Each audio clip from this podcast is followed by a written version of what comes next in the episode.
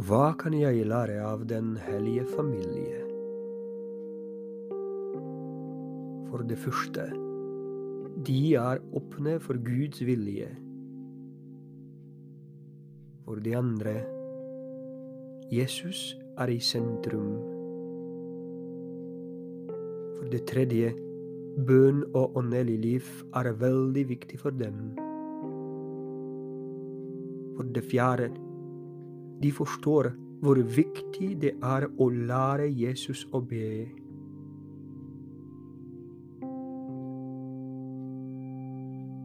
Hvert år pleide Jesu foreldre å dra opp til Jerusalem på påskefesten, og det året han fylte tolv år, drog de som vanlig opp til høytiden, leser vi dagens evangelium.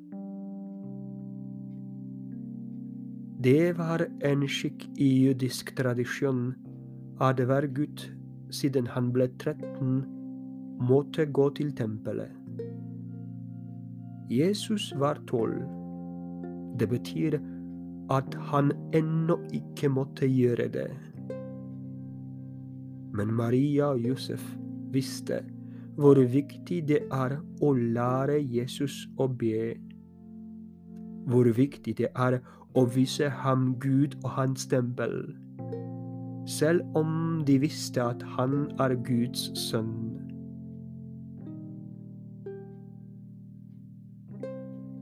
Den hellige familie viser meg i dag hvor viktig religionsutdanning er. Hvor mye ansvar foreldrene har. Ingen klukkpreken ingen interessant og moderne katekese. Ingen morsom ordenssøster kan lære barn dette som foreldrene deres kan. Og det er veldig viktig. Jeg kan spørre meg i dag om jeg er åpen for Guds vilje. Er Jesus i sentrum av livet mitt? Er bønn og åndelig liv viktig for meg?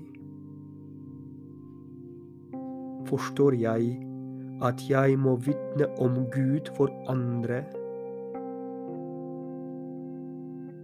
Hvis ja, så betyr det at jeg er på riktig vei. Men hvis nei, da betyr det at jeg må be Den hellige familie om hjelp og forbund best her og nå.